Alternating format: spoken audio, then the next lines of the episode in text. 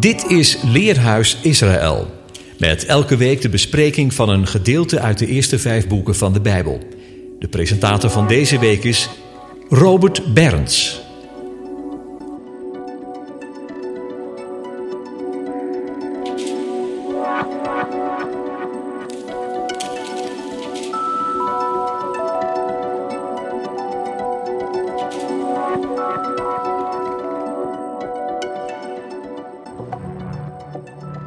Shabbat Shalom luisteraar.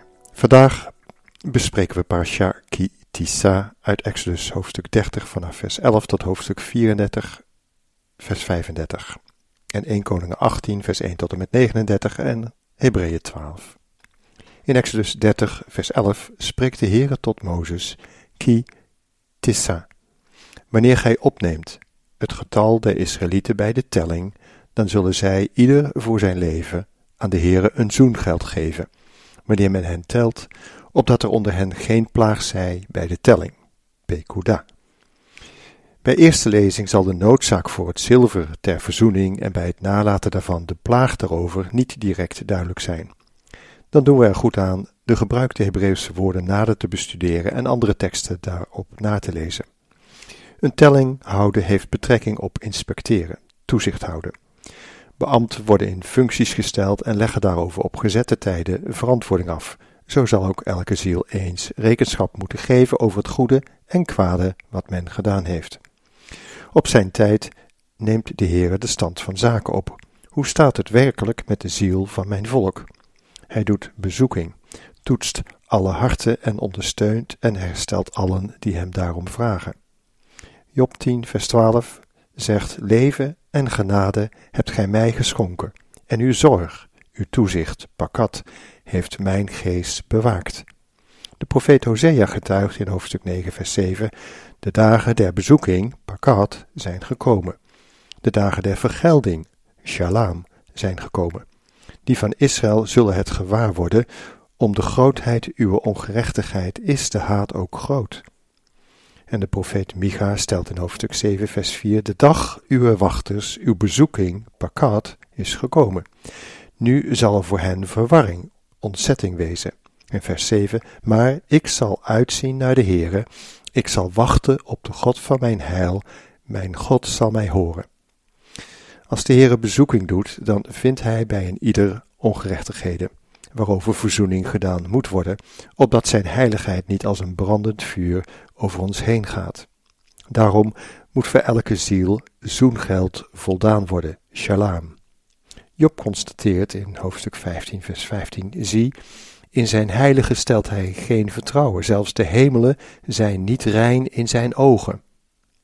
En wanneer David nalaat bij een volkstelling het zoengeld te heffen, volgt erop een uitbraak van een ziekte, doordat een engel van de Heere daartoe gezonden wordt. We lezen in de versie direct voorafgaand aan de parasha Kitissa uit Exodus 30 vers 14. Ieder die tot de getelden, Beekudim, gaat behoren van 20 jaar oud en daarboven, zal de heffing voor de Heere geven.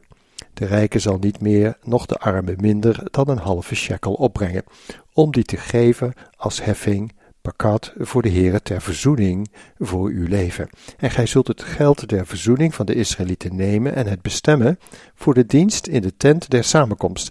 Het zal voor de Israëlieten tot een gedachtenis zijn voor het aangezicht des Heeren ter verzoening voor hun leven. De tekst van deze parasha bespreekt hoe de tent van samenkomst, de plaats waar de Heere wilde verblijven, ingericht moest worden. Exodus 25 vanaf vers 8, zij zullen mij een heiligdom maken, en ik zal in hun midden wonen. Gij zult het maken overeenkomstig alles wat ik u toon naar het model van de verblijfplaats, de Mishkan, en het model, het ontwerp van al zijn gerei. En vers 40 van hoofdstuk 25, zie nu toe dat gij alles maakt naar het voorbeeld dat u daarvan op de berg is getoond. Vers 22, en al daar zal ik bij u komen en ik zal met u spreken van boven het verzoendeksel af, van tussen de twee cherubim die op de ark der getuigenissen zijn zullen. In Exodus 29, vers 43 lezen we dan verder: En daar zal ik komen tot de kinderen van Israël, opdat zij geheiligd worden door mijn heerlijkheid, de Shechina. Daarom verzoekt Mozes in Exodus 33, vers 18: Toon mij uw heerlijkheid. In nummer 7, vers 89 staat van de cherubim over het verzoendeksel. En als Mozes in de tent der samenkomst ging om met hem te spreken, zo hoorde hij een stem tot hem sprekende van boven het verzoendeksel, het welk is op de ark van de getuigenis van tussen de twee cherubim. Alzo sprak hij tot hem. En de apostel Paulus beschrijft in Hebreeën 9 vanaf vers 1, nu had ook wel het eerste verbond bepalingen voor de eredienst en een heiligdom voor deze wereld. Want er was een tent ingericht, de voorste, waarin de kandelaar en de tafel met de toonbroden stonden. Deze werd het heilige genoemd en achter het tweede voorhangsel was een verblijfplaats genaamd het heilige de heilige met het gouden reukofferaltaar en de ark van het verbond rondom met goud overtrokken, waarin zich bevonden een gouden kruik met manna, de staf van Aaron die gebloeid had en de tafelen des verbonds. Daarboven waren de gerubs der heerlijkheid, die het verzoendeksel overschaduwen. Hierover kunnen wij nu niet in bijzonderheden treden. Maar laten wij dat laatste vandaag wel doen en meer in detail bespreken, want dit alles, want dit alles wijst namelijk naar de dienst die de hoge priester verricht in onze tijd in het echte heiligdom, in de woning die de Heere opgericht heeft en niet een mens, maar waar hij ter rechterzijde van de troon der majesteit in de hemelen, de mensenzoon, daar is gezeten. In Hebreeën 12 vers 2 nodigt u, hij, u en mij zo uit om met de ogen van het hart op de leidsman en voleinder van ons geloof ook de blik te vestigen.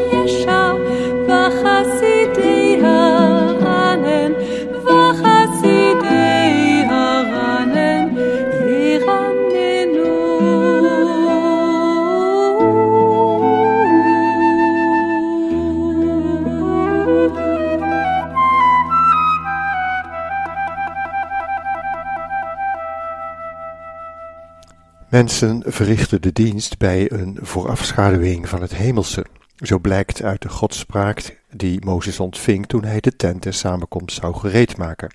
Zie toe, zegt de Heere immers, dat gij alles maakt naar de wijze, het type dat u getoond is op de berg. Hebreeën 8 vers 5 haalt daarbij Exodus 25 vers 40 en 26 vers 30 aan. Circa 480 jaar na Mozes en Aaron is de tent van de samenkomst en de ark met het verzoendeksel nog steeds in gebruik. 2 Samuel 2, 6 vanaf vers 2 vermeldt. En David maakte zich op en ging heen met al het volk dat bij hem was van Baalim, Juda, om vandaar op te brengen de ark Gods, daar waarbij de naam wordt aangeroepen, de naam van de Heere de Heerscharen, die daarop woont tussen de Cherubim. David geeft wat later aan Salomo specifieke instructies en de details om de Heere een huis te bouwen. Want zo lezen we in 1 Kronieken 28 vanaf vers 10. Zie nu hoe de Heere u heeft verkoren om een huis ten heiligdom te bouwen. Wees sterk en doe het. Toen gaf David aan zijn zoon Salomo het voorbeeld van de voorhal met de daarbij behorende gebouwen, schatkamers, bovenvertrekken en binnenzalen en van het vertrek voor het verzoendeksel. Ook het voorbeeld van alles wat hij bij hem door de geest was voor de voorhoven van het huis des Heren, voor alle vertrekken in het rond, voor de schatkamers van het huis Gods en voor die van de geheiligde voorwerpen, voor de afdelingen van de priesters en van de levieten, voor alle dienstwerk in het huis des Heren en voor alle gerei voor de dienst in het huis des Heren. En vanaf vers 18 ook gelouterd goud voor het reukofferaltaar overeenkomstig het gewicht en goud voor de beeltenis van de wagen, de cherubim, die met gespreide vleugels de ark van het verbond des Heren moesten bedekken.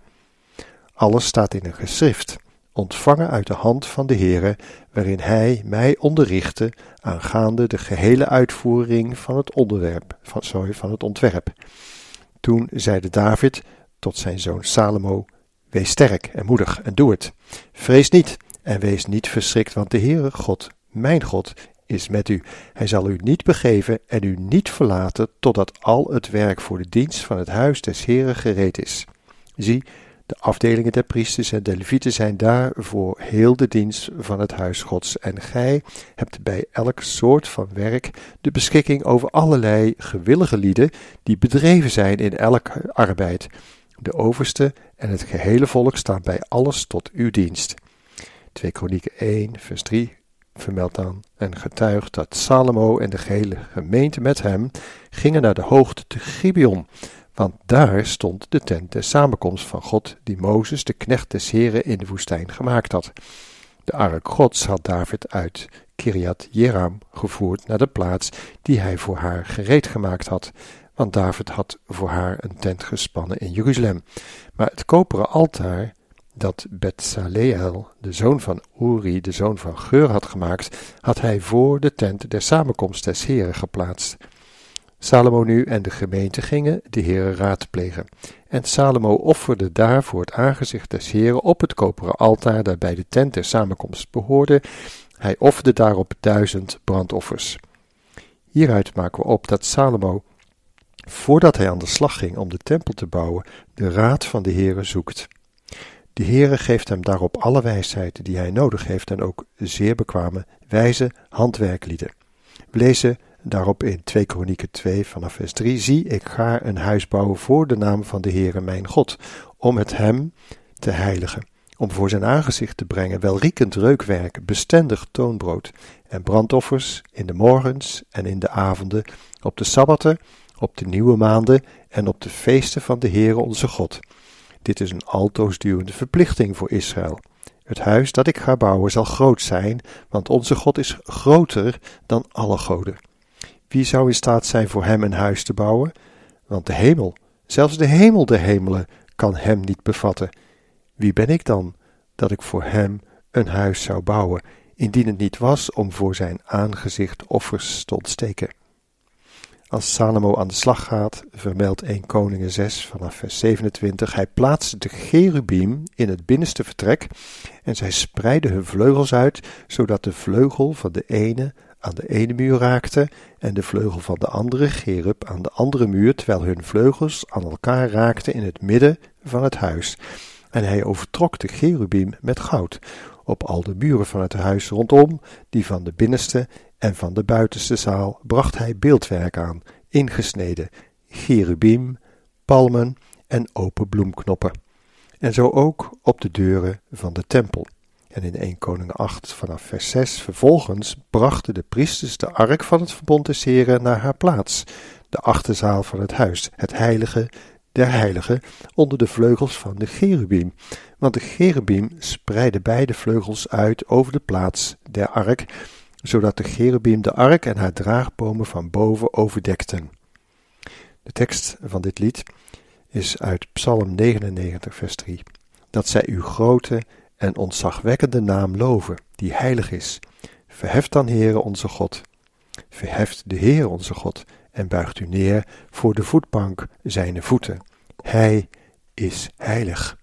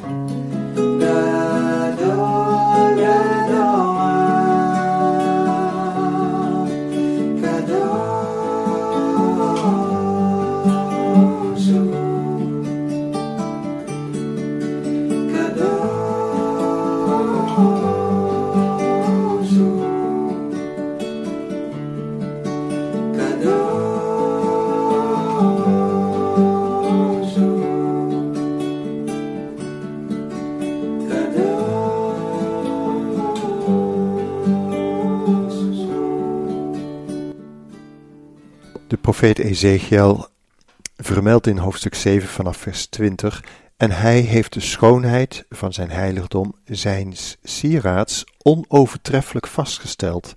Maar zij hebben daarin beelden van hun gruwelen en hun verfoeisels gemaakt. Daarom heb ik dat hun tot onreinheid gesteld.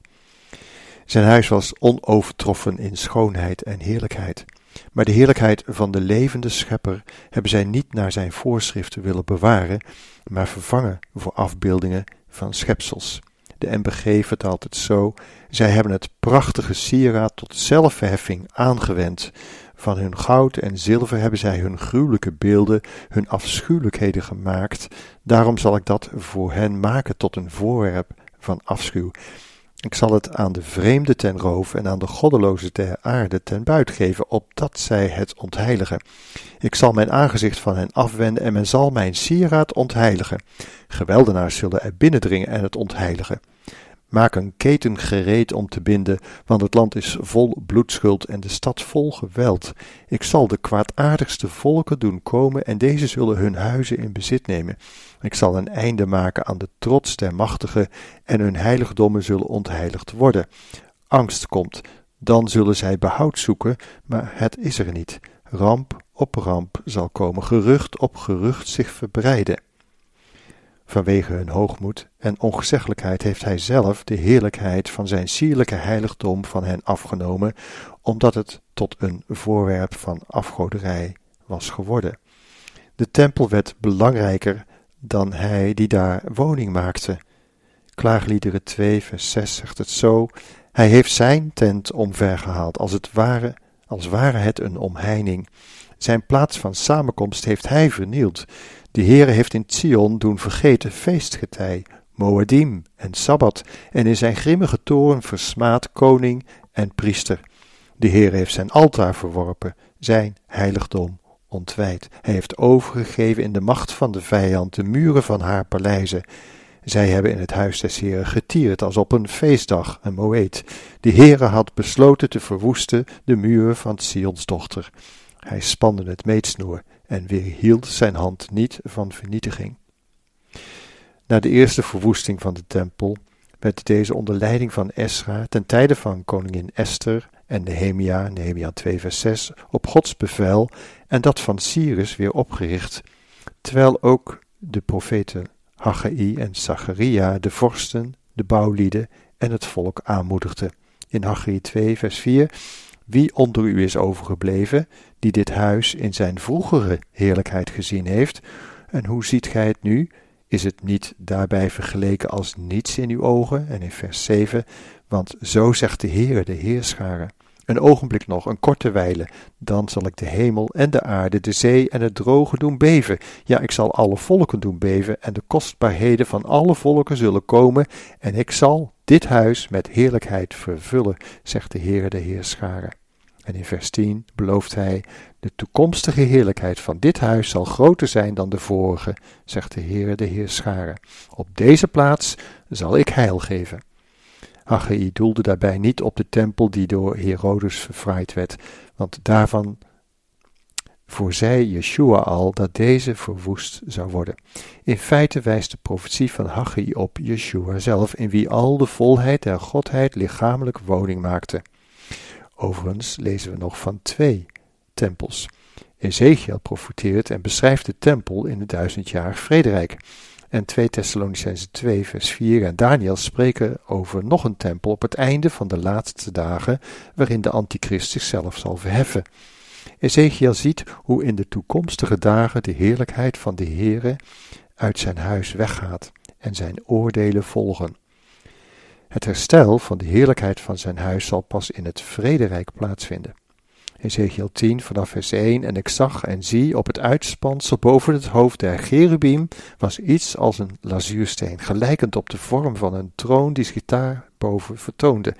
En hij zeide tot de man die in het linnen gekleed was, ga tussen de wielen onder de cherub en vul uw handen met vurige kolen van tussen de cherubim en strooi die uit over de stad. En voor mijn ogen ging hij daarheen. De cherubim die stonden aan de rechterzijde van de tempel. Toen de man erheen ging en een wolk vervulde de binnenste voorhof. Toen verhief zich de heerlijkheid des Heren van boven de cherub en begaf zich naar de dorpel van de tempel. En de tempel werd vervuld met de wolk en de voorhof was vol met de glans van de heerlijkheid des Heren. Het geruis van de vleugels der cherubim werd gehoord tot aan de buitenste voorhof als de stem van God, de Almachtige, wanneer hij spreekt. Nadat hij de man die in het linnen gekleed was, bevolen had: Neem vuur van tussen de wielen van tussen de cherubim, ging deze naast een van de raderen staan. Daarop strekte een cherub zijn hand uit van tussen de cherubim naar het vuur tussen de cherubim, nam daarvan en legde het in de handen van hem die in linnen gekleed was. Deze nam het en ging heen. Want bij de cherubim was onder de, hun vleugels iets zichtbaar dat de vorm, de gelijkenis had van een mensenhand. En in Ezekiel 10, vers 18 lezen we: Toen ging de heerlijkheid des Heren weg van de dorpen van de tempel en ging staan boven de cherubim. De cherubim hieven hun vleugels op, onder het heengaan verhieven zij zich voor mijn ogen van de grond en de raderen met hen.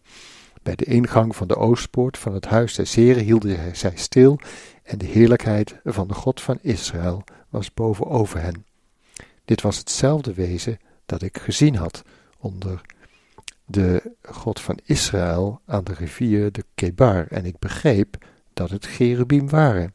Ieder had vier aangezichten, ieder had vier vleugels en iets wat op mensenhanden geleek was onder hun vleugels. Psalm 96, vers 6 en 13 bezingt in een nieuw lied de majesteit en heerlijkheid voor zijn aangezicht, de sterkte en het sieraad van zijn heiligdom en zijn aangezicht zelf. Want hij komt, want hij komt om de aarde te richten. Hij zal de wereld richten met gerechtigheid en de volken met zijn waarheid. Thank you.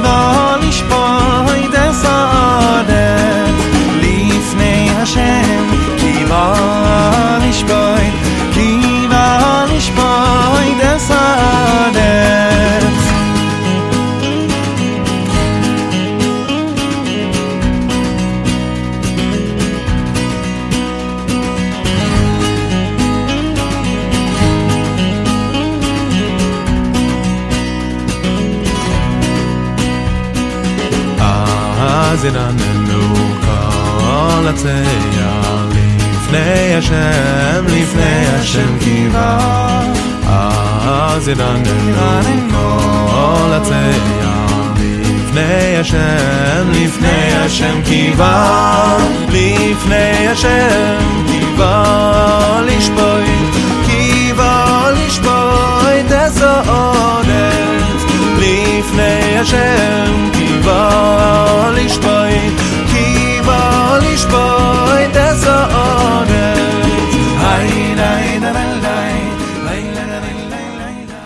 profeet Jeremia roept op vanaf hoofdstuk 3, vers 13: Alleen, erken uw ongerechtigheid, dat gij van de Heere uw God zijt afgevallen, en uw gangen gericht hebt naar de vreemde onder elke groene boom, en naar mijn stem niet hebt gehoord, luidt het woord van de Heere.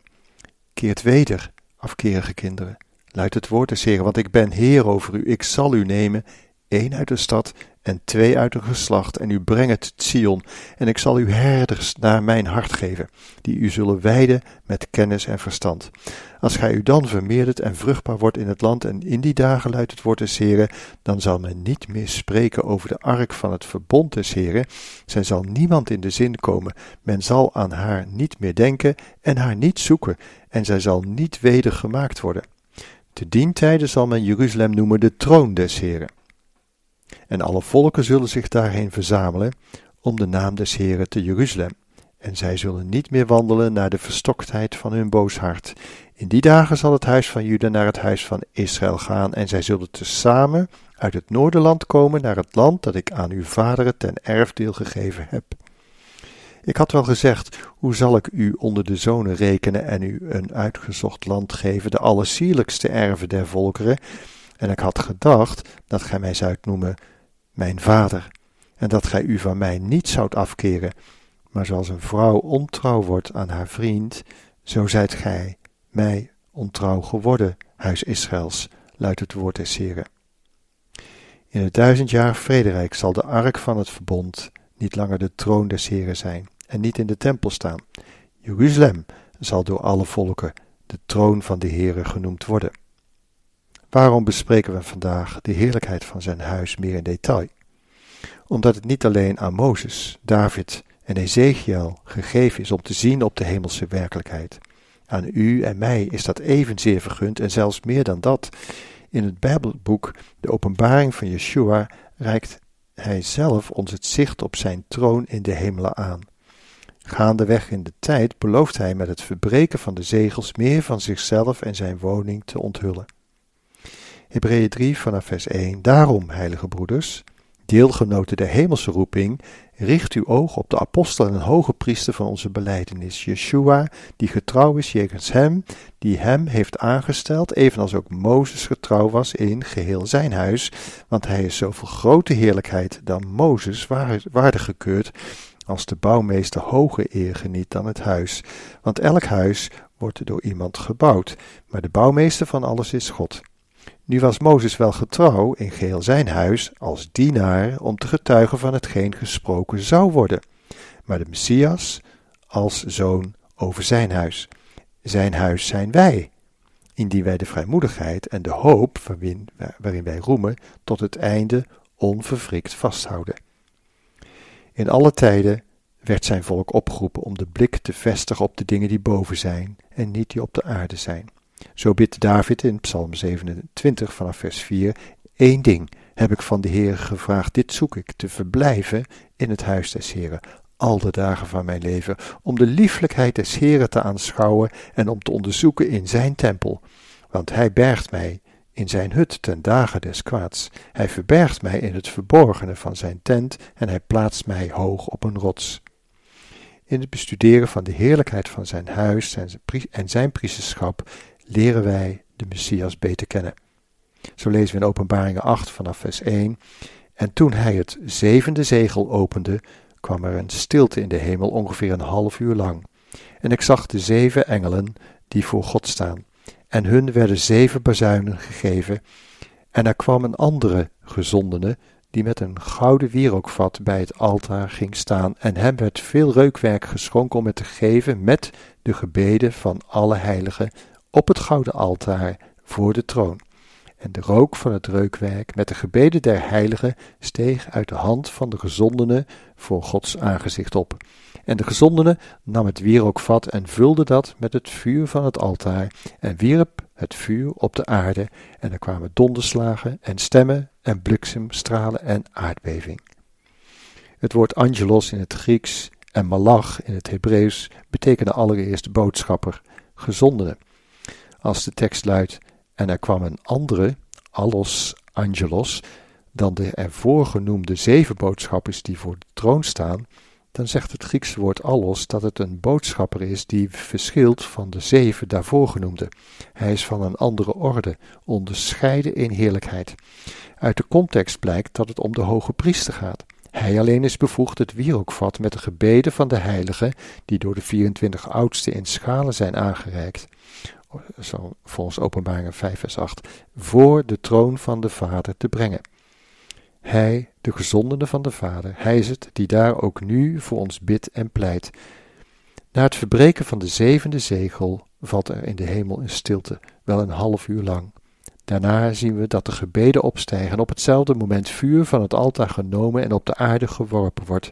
De dag van zijn toren, van zijn wraak over onschuldig vergoten bloed, is nu echt aangebroken. Het derde wee voltrekt zich. Openbaringen 4 vanaf vers 8. En voor de troon was als een glazen zee kristalgelijk.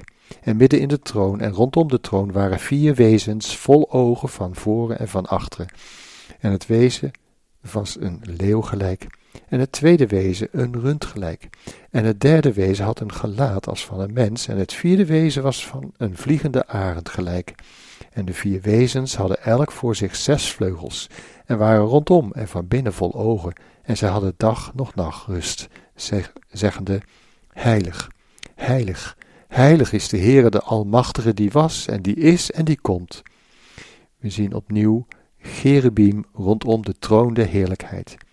Deze vier wezens roepen voortdurend heilig, heilig, heilig, zoals ook Jezaja dat ziet en hoort in Jezaja hoofdstuk 6. Daar worden de cherubim aangeduid als serafim, vurige of schitterende fakkels. Zo werd de Satan of wordt de Satan die zich voordoet als een engel des lichts ook een cherub genoemd in Ezekiel 28 vers 14. Gij waart een beschuttende cherub met uitgespreide vleugels. Ik had u een plaats gegeven. Gij waart op de heilige berg der goden, wandelend te midden van schitterende of vlammende edelstenen. Onberispelijk waart gij in uw wandel vanaf de dag dat gij geschapen werd, totdat er onrecht in u werd gevonden. En openbaringen 12 vermeldt dan vanaf vers 7, en er kwam oorlog in de hemel. Michael en zijn engelen hadden oorlog te voeren tegen de draak. Ook de draak en zijn engelen voerden oorlog, maar hij kon geen stand houden en hun plaats werd in de hemel niet meer gevonden. De aartsengel met de naam Michael, wie is gelijk aan God, strijdt tegen de Gerub die zich als een deel van Gods troon op de troon wilde verheffen. Want Jezaja getuigt ervan in hoofdstuk 14 vanaf vers 7. De gehele aarde heeft rust, is stil. Men breekt uit in gejubel. Hoe zijt gij uit de hemel gevallen, gij morgenster, zoon des dageraads? Hoe zijt gij ter aarde geveld, overweldiger der volken? En gij overlegde nog wel, ik zal ten hemel opstijgen, boven de sterren gods mijn troon oprichten en zetelen op de berg de samenkomst, ver in het noorden. Ik wil opstijgen boven de hoogte der wolken, mij aan de Allerhoogste gelijkstellen. Integendeel, in het dodenrijk wordt gij neergeworpen, in het diepste der groeven.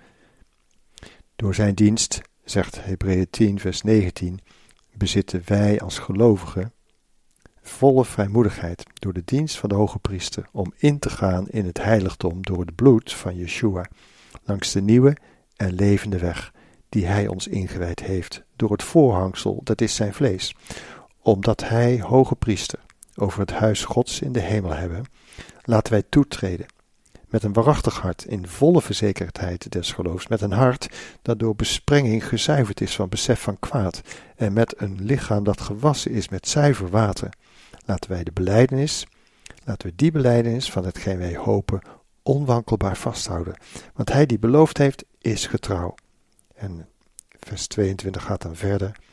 Maar gij zijt genaderd tot de berg Sion, tot de stad van de levende God, het hemelse Jeruzalem en tot tienduizendtallen van engelen, en tot een feestelijke en plechtige vergadering van eerstgeborenen die ingeschreven zijn in de hemelen, en tot God, de rechter over allen, en tot de geesten der rechtvaardigen die de voleinding bereikt hebben, en tot Yeshua, de middelaar van een nieuw verbond, en tot het bloed der besprenging dat krachtiger spreekt dan Abel. Ziet dan toe dat gij hem die spreekt niet afwijst.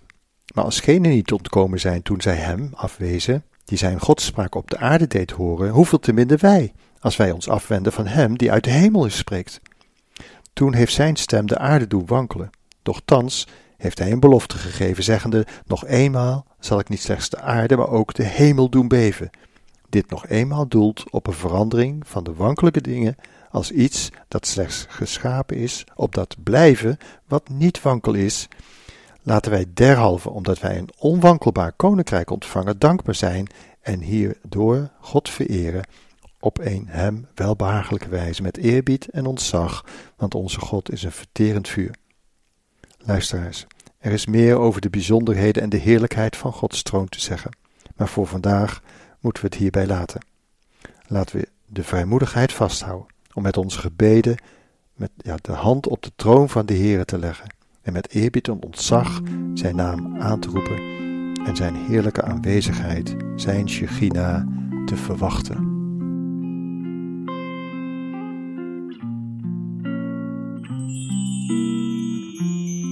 Shekhinah,